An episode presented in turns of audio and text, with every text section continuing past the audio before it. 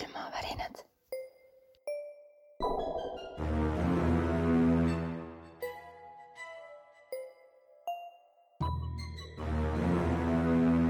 külmavärinad.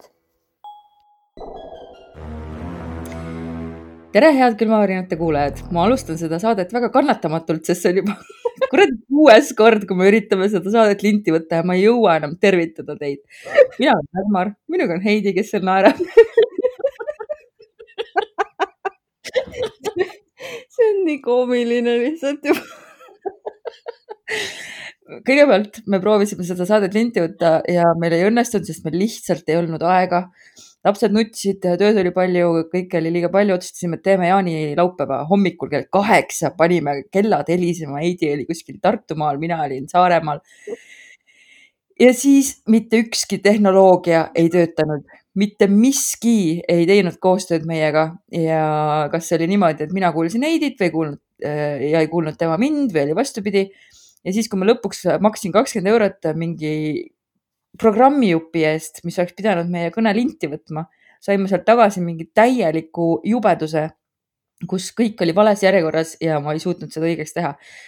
aga ma tahan neid jaanipäeva lugusid teile rääkida ja ma tahan rääkida, mis minuga jaanipäeval juhtus. niisiis, Heidi, oled sa valmis teist korda kuulama? kuulama neid lugusid ja seda, mis minuga jaanipäeval juhtus. ma olen õnneks üsna kehva mäluga, nii seda küll ja mina ka. et teeme ära. teeme ära. igal juhul äh, minu jaanipäev möödus sellises kohas nagu Lüvanda, millest meil on ka siin saates juttu olnud. ja millalgi südaöö paiku läksime Peikaga jalutama, sest ta tahtis mulle midagi väga olulist rääkida. ma võin kohe öelda, et see kõik oli ainult äh, lihtsalt suured armunud teismeliste jutud, mis ongi väga olulised. aga ma vaatasin tema selja taha taevasse ja ma nägin seal mingit valgust. ja see oli nii äh,, see oli suhteliselt äh, ere või hele, ta oli suurem kui täht, ta oli ikkagi noh, ma ei tea, suur. ja, ja ta tuli lähemale. ja siis ma ütlesin Peikale, et äh, kuule, oota nüüd, vaata sinna ja siis ta ütles, et ma ei saa praegu vaadata sinna, ma pean sulle rääkima neid olulisi asju, ma ei tulnud selleks nagu siia kadakate vahele. ja siis sel hetkel see valgus äh, muutis järsult suunda ja lihtsalt kihutas minema, nagu muutus hästi väikseks ja lendas minema. nii et ma lõpuks ometi olen näinud ufot, sellepärast et see kindlasti ei olnud lennuk, see kindlasti ei olnud täht, sest et tähed äh, liiguvad teistpidi, mitte ülespoole ja ei muutu nagu väiksemaks või, ma ei tea mm. -hmm. nii et äh, ma sain oma ufo kogemuse kätte, kuigi seda segas äh, armunud teismeliste jutt aga minu meelest on üsna hea viis seda kogemust kätte saada. ja ma ei kartnud üldse ka midagi, ma olin lihtsalt natukene äh, pettunud, et ma ei suutnud oma äh, siukses häguses olekus rohkem äh, tähelepanu pöörata sellele, mis päriselt oluline oli, ehk ufod, mitte armastus. aga teeme siis, et meil endal oleks ka huvitav, teeme siis äh, vastupidi, kui see saade, mis hukka läks, et alusta sina ettevalmistatud lugudega ja, ja teeme esimese poole krimi poole ja vaatame, mis me siis selles teises saate pooles teeme.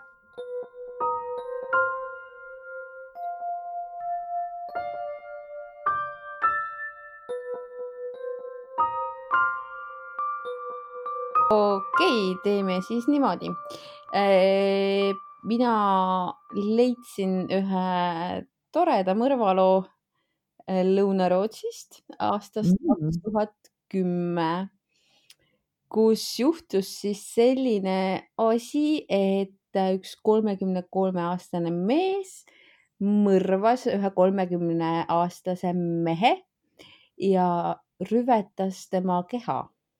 Juhtus siis äh, jaanipäeval mis aasta see oli? kaks tuhat kümme. kümme aastat tagasi, okei okay.. Mhm.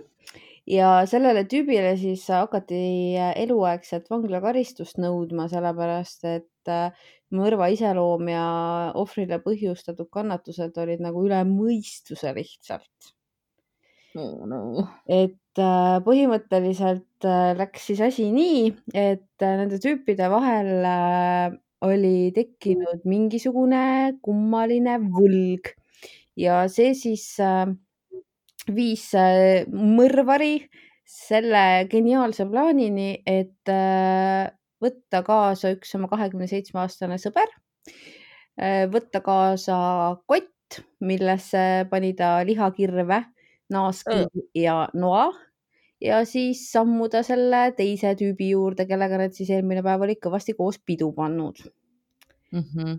Mm -hmm. ja siis äh, ohver sai üle saja erineva vigu, vigastuse oh teda nagu oli elutoa põrandalt pekstud siis selle pagana lihakirvega oh.. tõesti. Ja nagu sellest kõigest veel vähem oli või vähe oleks, siis äh, tuli välja, et äh, viimane asi, mida see ohver arvatavalt enne oma surma tundis ja koges, oli see, et mõrvar lõikas ta peenise maha ja muidugi toppis selle ohvrile kurku mm. -hmm. Mm -hmm. Mul on ka sõbrad võlgu olnud teinekord ja ikka mõtled esimese asjana ju selle peale, et äh, pakiks lihakirve kaasa ja lõikaks mingid kehaosad või genitaalid ära ja issand jumal, kas see inimene oli purjus, kui ta tappis?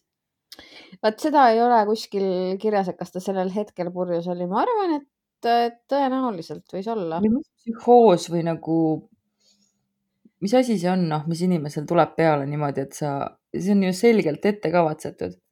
Igal juhul sellele tüübile määrati äh, kogu selle üle saja vigastuse ja, ja selle peenise kurku toppimise eest siis kõigest kaheksateist aastat vanglat.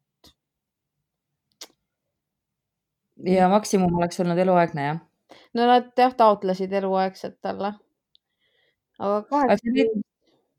sa ei leidnud ühtegi detaili selle kohta, et miks siis ikkagi, mis need kergendavad asjaolud olid? No ainuke asi, mis on nagu see, et, äh, et see on Rootsi on ju. see on mingi üliheaoluühiskond, et äh, see, et üldse eluaegset vanglakaristust nõuti, oli nagu täiesti mingisugune vau wow,, et seda põhimõtteliselt ei juhtugi seal onju et äh, aga miks nagu seda niimoodi kergendati, seda ma ei oska öelda. Tean seda, et tema sai kaheksateist aastat ja tema kallis sõber, kes siis ukse peal valvas, et keegi jumala eest segama ei tuleks, temale määrati kaks aastat vanglat selle eest. ja jah, ma ei oska nagu mis nende inimeste peas toimub või kuidas nagu, ähm, mis sõber see on, kes ukse peal valvab seda või noored inimesed, meievanused. täiesti mm -hmm. uskumatu. Ma ei saa ka aru sellest. see on nagu jälk, okei okay,, ma saan aru, et sa oled mingi närvis ja mõtled, et et nagu asjad on vaja kuidagi paika loksutada ja tahad oma pagana võlga tagasi saada ja sellest ma kõigest saan aru, aga nagu pagan võtaks, noh, kurat, see on nagu liig mis liig, noh. igatpidi mm. -hmm. see on nagu, ma ei tea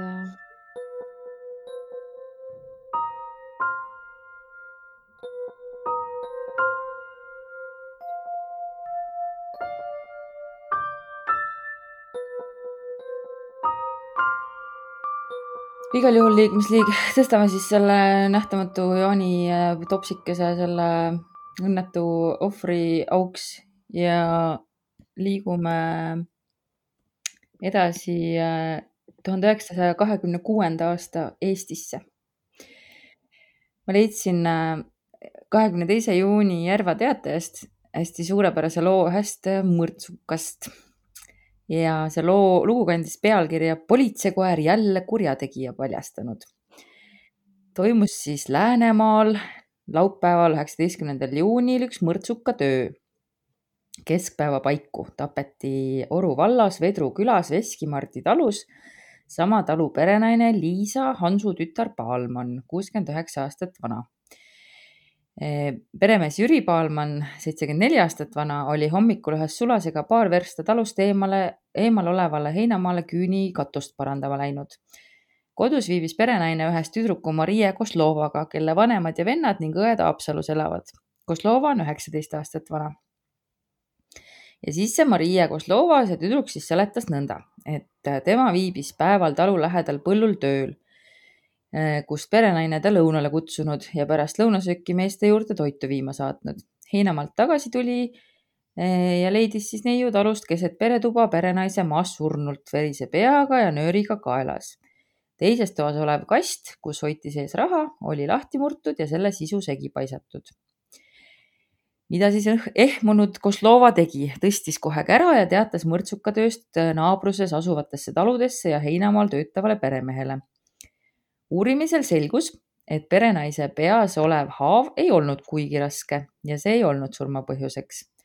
surma põhjuseks oli hoopis nööri kõri kinni, nööriga kõri kinni pigistamine. kohe langes kahtlus neiu kui mõrtsuka peale.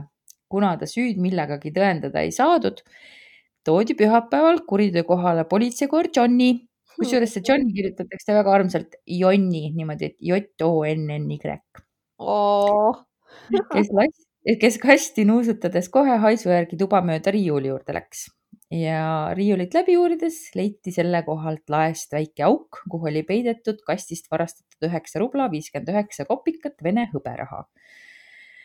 nii et siin ei olnud ilmselt enam küsimustki, mõrtsukas on samast majast ja võttiski siis lõpuks Maria või Maria Kozlova süü äh, tunnistas üles ja andis välja ka kaksteist tuhat üheksasada üheksakümmend marka raha. Ta oli siis selle kastist varastanud ja viinud äh, majast välja ja peitnud heinamaale viiva tee äärde. ja nähtavasti siis ta tappis perenaise enne heinamaale minekut. Liha, kirjas oli siis veel ka, et perenaise ja teenija vahel olnud vahekord juba pikemat aega halb, mis on muidugi, no loomulikult, ega sa siis ei saa inimesega hästi läbi ja siis kukud tapma teda. Mm. ja mainiti veel, et üks Kozlova vendadest istub varguste ja muude kuritööde pärast kinni Harku kurjategijate koloonias. Eh, ma püüdsin seda perekonda leida ka genist ja üldse vaadata, mis eh, kõikidest neist hiljem sai, aga siis noh, nimed ja vanused, kõik on ju kenasti välja toodud, aga mm., aga ma ei leidnud rohkem informatsiooni, millest on eh, päris kahju. aga seda talu kohta võiks iseenesest püüda üles leida see oleks ka jumala äge. kuule, kas meil mm -hmm. on mhm. endiselt jõus suvine äh, tuur või? kuule, ma peaks selle võtma jah. mis me muud teeme siin suvel? kuskile mm. -hmm. paneme ajama. Neid kohti on nii palju, kuhu siis peaks jõudma ja siis me peame mingisuguse valiku tegema ilmselt. ja, no Kaiu Rabasse, see, selles pole kahtlustki. oi aga siis äh, selline mõrtsuk preili äh, oli meil minule ta tundus täiesti sümpaatne, kui aus olla. see Maria Kozlova või? jaa mm -hmm.. noh, huvitav jah, selles mõttes, et ma ei tea, kui see Johnny poleks seda paljastanud, siis kuidas see plaan nagu oleks tal läinud, ei tea.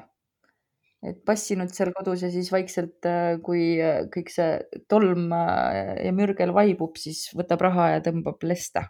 näiteks.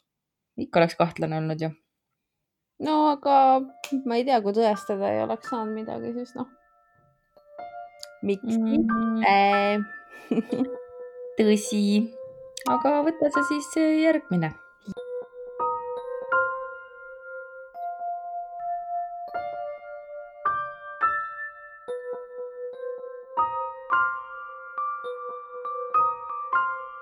ja järgmine lugu tuleb Soomest äh, aasta siis oli kaks tuhat seitseteist, kui äh, Helsingis Aleksis Kivi tänaval pandi toime seitsmekümne kolme aastase mehe mõrv.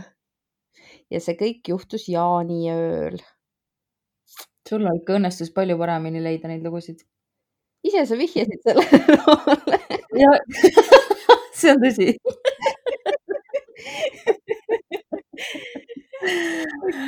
ja selle vihjasin mina sulle, aga, aga nendest Eesti mõrvadest ma leidsin nii palju mõrvu, mis olid jaanipäeva lähistel, aga, aga ainult paar tükki, mis, mis nüüd järgmised on, mis olid päriselt jaanipäevaga seotud mm. -hmm. aga igal juhul eh, see lugu oli siis selline, et eh, kahekümne kolmandal juunil tutvusid siis eh, ohver ja tema tapja vaid tund enne, kui asjad eskaleerusid.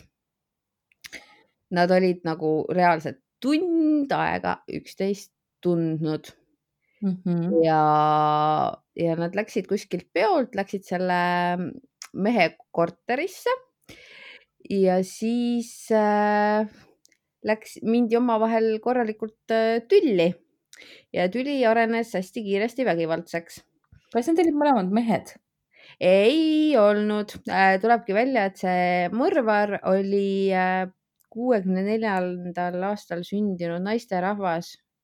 aa, näed, ma ikka midagi mäletan sellest esimesest saatest, sest et, äh, et õige, ma rikkusin nüüd üllatuse ära nüüd kuulajatele Sorry aga jaa, see rünnak oli erakordselt jõhker olnud, selle tapmiseks kasutati äh, Äh, terroriste ja ohvri kehalt leiti siis äh, märke sellest, et ohver oli kogu hingest püüdnud end selle rünnaku eest kaitsta. Mm.. ja siis kahtlusalune võttis sealt korterist kaasa mingi hunniku ohvri asju lihtsalt sellepärast, et need pärast sealt lahkumist ära hävitada. see kõlab ka nagu ebastabiilne inimene nagu mitte nagu mõrvamine oleks nagu, nagu üldiselt stabiilne asi, mida teha, aga lihtsalt noh, on nagu mingeid asju, millest ma võin aru saada. tunded löövad üle pea, enesekaitse mm, -hmm. vanad traumad, tüli. no okei okay,, tüli, no jaa, aga ikkagi selles mõttes, et kui sa võõra inimesega tülli lähed, siis noh, kellel tõuseb käsi tapma? no ei, pigem lihtsalt kõnnid ära ja ongi kogu muusika mm. -hmm väga imelik. aga jah, meie õnneks on ka selliseid inimesi, kes valivad teise tee. ma ei tea, kui hästi see nüüd kõlab, aga, aga noh, ütleme nii, et endiselt on põnev neid asju avastada ja ma hullult tahaks neid nagu mõista selles mõttes. mõnikord see lihtsalt ei õnnestu, mis teha. aga. hea, kui me ei mõista neid. võib-olla tõesti. igal juhul pärast seda jõhkrat tegu lahkus kahtlusalune mõrvatud mehe korterist ja läks sealsamas lähedal asuvasse enda korterisse, kus ta siis viibis umbes nädal aega, enne kui ta vahistati. vot ja miks ta seda tegi? selle kohta ta ühtegi selgitust ametnikele ei jaganud mm. -hmm. motiivi ei ole. ja kuidas siis ta vahele jäi, oli see, et äh, kuna viimane teave ohvri kohta oli jaaniööst, siis äh, inimestelt hakkas tulema infot ja politsei hakkas üle vaatama erinevate valvekaamerate salvestusi ja niimoodi nad joonistasid siis välja selle ohvri teekonna jaaniööl ja kõik isikud, kellega ta selle teekonna jooksul kokku puutus. ja nii siis jäi see proua ka vahele ja kusjuures äh, minu meelest nagu huvitav selle asja juures on ka see, et sellel proual ei olnud varasemalt mitte ühtegi rikkumist ega absoluutselt mitte mingisugust kriminaalset tausta. lihtsalt flippis ära. lihtsalt jah, tundub, et nagu mingi tühja koha pealt põhimõtteliselt. üliimelik ja see on üliveider lugu, see on täiega veider lugu, nagu põhimõtteliselt see on täiesti võõras inimene, sa oled temaga tund aega koos, sa nagu mingi võtad noa, rapid ta täiesti mingi lõhki, onju, siis äh, kui keegi küsib midagi selle kohta, siis sa ei anna ühtegi selgitust, miks sa tegid seda. sa ei ole kunagi varem isegi võib-olla mõelnud selle peale, et midagi niisugust teha. ma ei tea, see on täiesti sürr nagu. Need mõlemad lood on sul väga sürrid Mhm. Üsnagi. see on, mõlemad on jah parajad siuksed, et mingi, et mõlemal juhul seda ei oleks nagu pidanud juhtuma, nagu kui oleks vähegi mingisugust ratsionaalsust asjas.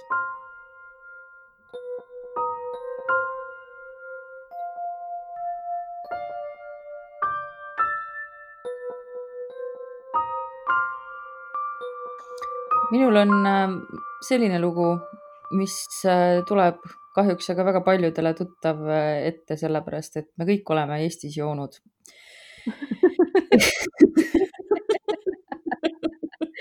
Jah, et äh, enamasti küll ja, jaaniõhtud ei lõ- lõppe niimoodi, aga me kõik suudame ette kujutada, kuidas see võib niimoodi minna. ja siis äh, jälle kirjutab Järva Teatajas kahekümne seitsmenda juuni tuhat üheksasada kolmkümmend kolm number, tapmine Keila vallas, jaaniõhtu joomingu verine lõpp. Harjumaal Keila vallas Tuula asunduses elav kahekümne viie aastane Edward Vasko tappis revolvrikuuliga jaanilaupäeva õhtul endast aasta vanema Alfred Poomi. tapmine sündis omavahelisel kakelusel, tapja võeti vahi alla Tuula asunduses Kaluri talus elava Vasko poole tuli jaaniõhtul kokku ümbruskonna noormehi, mis on ka asi, mida me kõik on ju teame mm, -hmm. selles mõttes, seda kõik teevadki. koos joodi ära kolm suurt pudelit viina ja mul on eelmisest saatest meeles, et me arutasime siin selle üle. ja. mis on suured pudelid me ja... vist, et liitrised või? no minu meelest liiter, noh, kolm liitrit viina, mitme peale on see selline kogus? ütlen siis kuue peale no,. pool liitrit viina. Jah, umbes. on, no ma ei tea, ma arvan, et suudetakse rohkem juua. ma tean, et suudetakse rohkem juua, ma tean, ma mäletan, et ma mainisin ka seda, et mõni naisterahvas suudab ka nelja promilli peale ennast järgmisel hommikul puhuda. nii et äh, tema näiteks oleks tõenäoliselt nõus või valmis või võimeline jooma võib-olla äkki isegi liitri ära seda. I don't know, ma ei tea, palju selleks jooma peab ausalt. Neli promilli on päris palju jah, see on ikka juba suht eluohtlik. mina puhusin. ma, ma rõhutan järgneval ja, hommikul. see on ohtlik ja mina puhusin jaanipäeva järgsel või jaanilaupäeva järgsel jaanipäeval äh, null koma null kaks.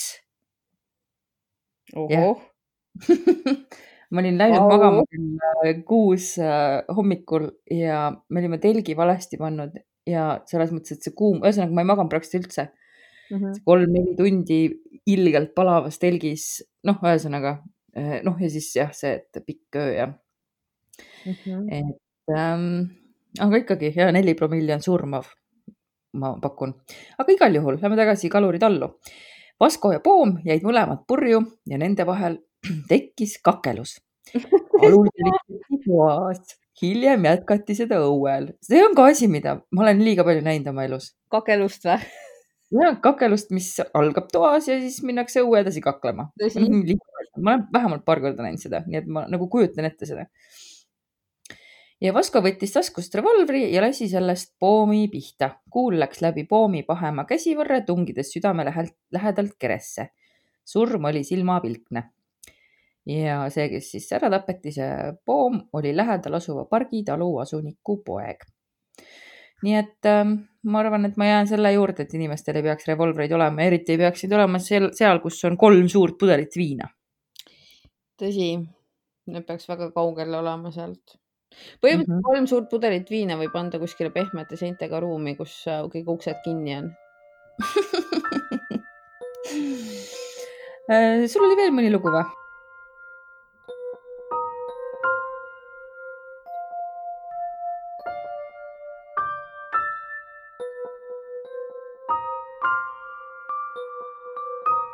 Mul üks lugu on veel ja see nüüd ja. ei tule niivõrd lähedalt, küll aga on see seotud eestlastega, sellepärast et äh, ohvriks äh, oli eestlane ehk et äh, Baierimaal ühes hästi ägeda nimega linnas, mida ma üritan hääldada kohe.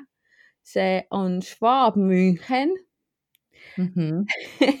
seal tuli jah, jee. Mhm. seal asuvast külaliste majast leiti kahe tuhande kaheksateistkümnenda aasta kahekümne kolmanda juuni hommikul surnud äh, neljakümne kuue aastane eestlane, kes oli siis Võrust pärit, igavesti popp ja, ja selline oma kogukonnas hästi tuntud jalgpallur Vitali.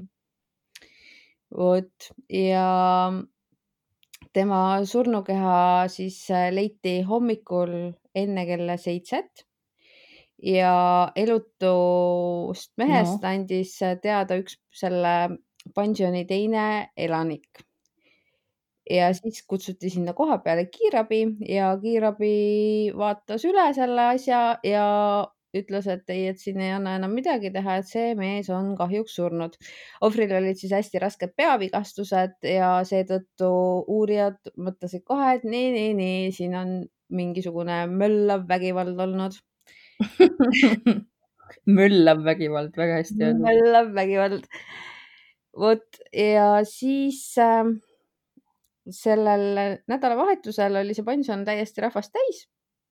Uurijad hakkasid siis laupäeva hommikul kohe pensioni töötajaid ja külalisi küsitlema ja kõige selle info põhjal, mis nad said, nad pidasid koheselt kinni kaks meest, kes seal olid ja tegemist oli siis kahekümne üheksa aastase leedulase ja viiekümne seitsme aastase eestlasega, keda siis selle kuriteo toimepanemisest kahtlustati. ja nüüd arva ära, mis? Nad panid koos tina. just ja sõna-sõnalt nad olid tarvitanud ohtralt alkoholi oh.. kolm pudelit viina. no vähemalt kolm pudelit. Mm -hmm. ja siis see viiekümne seitsme aastane eestlane tuli välja, et jagas tuba selle hukkunuga mm. -hmm. vot ja pensionitöötajad oota, kaks eestlast ja üks leedukas, nii oli jah? Ja, ja Mhm, üks eestlane, noorem eestlane siis äh, sai surma või tapeti ära ja vanem eestlane siis äh, oli käpp selles mõrvas mm -hmm. koos leedukaga. ja kusjuures ma praegu vaatan jälle, et see leedukas on ka niisugune enam-vähem meievanune, ma ei tea, väga veider värk. eluvalikud, me oleme teinud paremad eluvalikud, ma ütleks ja see on see hea asi, et oleneb, millega võrrelda aga igal juhul jah, pensionitöötaja väitis, et nad olid seal juba pikka aega ööbinud, kõik need kolm tüüpi, et nad käisid äh, seal lähedal kuskil suures logistikafirmas kõik koos tööl. päeval olid siis tööl õhtuti polnud mingit pidutsemist üldse kuulda. aga seal teised rääkisid, et äh, surmaööl oli seal siiski sellest toast kuulda rüseluse hääli ja pärast uurijad leidsid koridorist ka verejälge. Nii et äh, mees lihtsalt äh, taaskord klobiti korralikult läbi niimoodi, et ta suri ära ja jälle joomingu käigus oh jumal mm. -hmm. et ehm, ja sihuke kurb. kahju, kahju sellest Võru poisist. I know. ja siis ma vist rääkisin sulle lisaks ka selle loo meie e-, eelnevate salvestuskatsete ajal, kuidas, kuidas seal naabriuses asuvas linnas oli ka vahetult enne just olnud mõrvajuhtum seotud mm. -hmm. nende ajutiste töötajatega, kus äh, mees peksis armukadeduses surnuks oma pruudi, kui ta ütles äh, nagu pruudile, et äh, too oma armukese nime välja annaks, sest noh, ta oli ilmselgelt veendunud, et naisel on armuke, aga naine siis äh, nime välja ei andnud. ma ei, keegi ei tea nagu, kas põhjuseks oli see, kas armukest ei olnudki või siis ta lihtsalt ei tahtnud nime öelda. ja igal juhul ta oli valmis surma minema ja mees siis peksiski ta nii räigelt läbi, et, et ta viis ta ise haiglasse, aga haiglasse jõudis see naisterahvas siiski liiga hilja.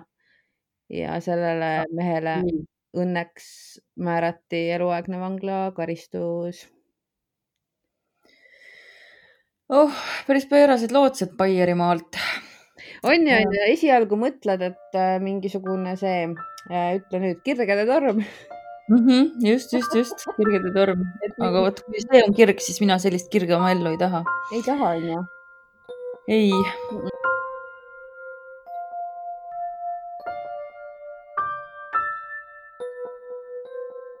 Meie esimese salvestuse ajal ma rääkisin jaanipäeva folkloorist, aga ma sel korral ei tee seda, sest et äh, kes teab, äkki järgmine aasta teeme ka veel külmavärinaid, räägin siis. aga ma räägin hoopis äh, mm, kaks lugu, millest ühte sa ei tea, sest ma ei rääkinud seda eelmisel korral. nii. nii, kõigepealt ma äh, toon loo Misso rabast juunikuu aasta tuhat üheksasada kolmkümmend kolm. jaanipäeval leiti Võrumaal Misso vallas Kriiva külas Nikolai Pungi rabasoost tundmatu mehe laip, mis oli kõdunenud ja muutunud tundmatuseni. ja ma kusjuures mõtlesin selle loo peale iseenda jaanipäeval, et lähed jalutama, otsid seal Sõnajalõiti ja miilustad kallimaga ja ikka päris õudne asi, mida leida jaanilöösel nagu. See ei ole väga hea enne jah, üldiselt igal juhul paarkümmend sammu teest eemal oli tambitud maasse umbes kahekümne sentimeetri sügavune auk ja seal lamas inimtomp, käed ja jalad laiali. kutsuti kohale arst, kes äh, pärast ülevaatust otsustas, et tegemist võib olla südamerabanduse või sisemiste vigastuste tagajärjel surnud inimese jäänustega. hiljem aga siis kohalikud tundsid ära, et äh, tegemist on talvel kaduma läinud vanakese Ilja Jermolai poeg Andreejeviga, seitsmekümne kolme aastane issand, mulle praegu meenus. Ma rääkisin, meil oli äh, jaanipäeval ka üks äh, Soome, Soom-, Soome venelane või kuidas ma siis ütlen. Mm. -hmm. ja siis ma rääkisin talle mõned, äh, mõningaid lugusid rääkisin ah,. vist kuidagi viskasimegi nalja, et, et näed, nüüd on ta esimest korda siin Eestis jaanipäeval ja ja et jumal teab, mida need hullud eestlased siin teevad siis ma ütlesin, et ja, ja, et Võrumaal leiti äh, rabast üks laip jaanipäeval, et kes teab, on ju, kuidas see läheb. ja siis ta noh, viskas nagu nalja, noh jah, sellele nalja natuke ja siis ma ütlesin, et aga sa ei pea kartma, et see oli äh, vana inimene, et see oli seitsmekümne kolme aastane. ja siis mul tuli meelde, et äh,, et see oli ju venelane ja Jermolai poeg Andreejev ja kuna tema on ka venelane, siis äh, ta hakkas jälle kartma, nii et ma sain vähemalt päriselus kedagi selle looga hirmutada. mul on ka ajudest natuke nii, kus me nüüd jäimegi? see ilus nimi mm. -hmm.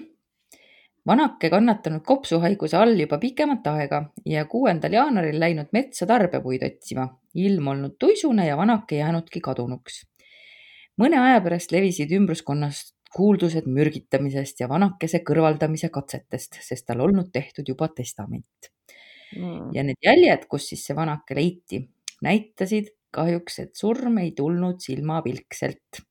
ja ilmselt siis juhtus niimoodi, et see mm, Ilja kaotas siis mingil põhjusel tasakaalu ja kui ta siis seal surmaeelsetes valudes kas äh, siis viskles või, või püüdis püsti saada, oli ta siis jalgadega trampinud külmanud, kuid samblasesse maasse sügava augu. niisugune lugu Missost.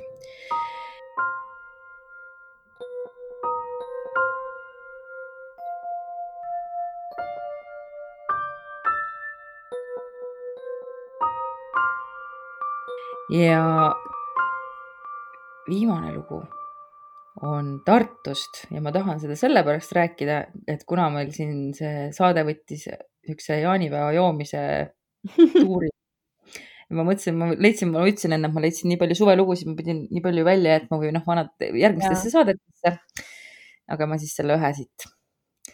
Äh, kirjutab kahekümne kuuenda juuni tuhat üheksasada kakskümmend kaks aasta Teataja kaheksateistkümnendal juunil teatati Tartu kriminaalpolitseile, et Mäe ja Peetri uulitsate nurgalt olla maast vere seest lamamast leitud keegi meesterahvas, kes haavakliinikku toimetatud. tehti kindlaks, et haavatu on Tartus Peetri turul number kakskümmend elutsev Laeva valla kodanik Eduard Kuusk, nelikümmend aastat vana. aa, sealsamas Laeva valla juures ongi see pesa, nii mis pesa sul seal on? see, kus me üritasime esimesed mitu raksu lindistada. aa, okei okay,, okei okay.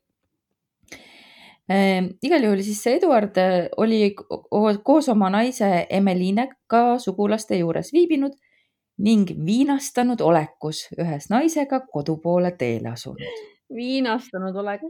ja, super sõna, ma kavatsen selle kasutusele võtta. puiesteel tulnud neile neli sõduririietus Eh, riietes isikut vastu, kes ka tublisti viinastanud olekus olnud Kuusk sattunud vastutulijatega sõnavahetusse, mis ähvardustega lõppenud. vähe edasi minnes jooksnud kaks sõdurit Kuuskile tagant järele ja löönud temale kaks haava pussiga, ühe põse sisse ja teise kaelasse, mille tagajärjel Kuusk maha kukkunud. sõdurid aga põgenesid ära Kuuski naine, nähes nuga ja löömingut, ehmatanud ära ning jooksnud eemale, mispärast ta ei näinud, kuhu poole lööjad põgenesid. aga Kuuski ei olnud kahjuks enam võimalik üle kuulata, sest et teel kliinikusse ta suri Mm. aga politsei ei maganud ja kahtlus langes Tartus asuva Ratsaväe rügemendi esimese eskadroni sõdur Julius Kremmile, kakskümmend aastat vana ja tema kaaslaste sama eska- eskadroni sõdurite Jaan Allikase, Oswald Neideri ja Evald Sõgeli peale, kes aga kõik esialgu kangekaelselt oma süüd salgasid, seletades, et asjast midagi ei tea. mille peale Kremmi riiete juures vaatlus toime pandi, kus värsked veremärgid leiti ühtlasi leiti ka Kremmi taskust nuga, mis veremärke kandis, mille peale ta end Kuuski surmavalt haavamisega süüdlaseks tunnistas, seletades, et seda viinastanud olekus ja oma eeltoodud sõprade ässitusel teinud. kõik nimetatud neli sõdurit on Tartu vangimajja paigutatud. Selline lugu viinastanud olekutest ja see olek on kuidagi sihuke, ma ei tea, pisut isegi sihuke suvel natukene aeg-ajalt kohustuslik olek. Mhm. no me saame nüüd eh, järgmine nädalavahetus olla viinastanud olekus, sest et tuleb Hard Rock Lager. ja karta on, et seal võib nii minna. nii et eh, kõik saate siis eh, meid seal näpuga katsuda, kui te lähete ka sinna ja nagu siis eh, me juba mainisime, ma ei tea, kas me kuskil saates mainisime, mis on ka eetrisse läinud, aga igal juhul ilmselt praegu me võtame väikse suvepuhkuse ja tuleme tagasi siis, kui pole nii keeruline leida aega, et saateid teha, sest et, et nagu me aru saame, siis õudseid lugusid juhtub ka valges juhtub ja tegelikult need õudsed äh, lood on endiselt õudsed ka valges, mm. -hmm. et äh, päris. ja ma nägin puhta täiesti aasta kõige valgemal ööl nägin mina taevas ufot, nii et. tõesti olemas. -hmm. aga see ei olnud ju väga hirmuäratav. mina sinu loost sain täpselt niimoodi aru, et sa ühe silmaga vaatasid oma suurt armastust, teise silmaga vaatasid ufot. mõtlesid, et oi näe ongi mõlema asja kohta nagu paralleelselt. jah, täpselt nii oligi, täpselt nii oligi nii et äh, nägin jaaniöösel äh, mõlemad asjad ära, mida ma olen ammu igatsenud ufot ja kallimalt aga see on jumala äge, mulle täiega meeldib see mõte nagu.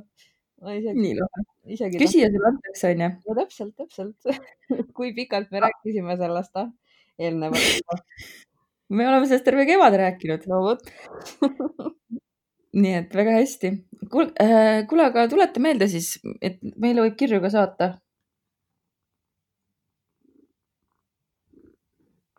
ja e, kirjutada saab meile meili peale.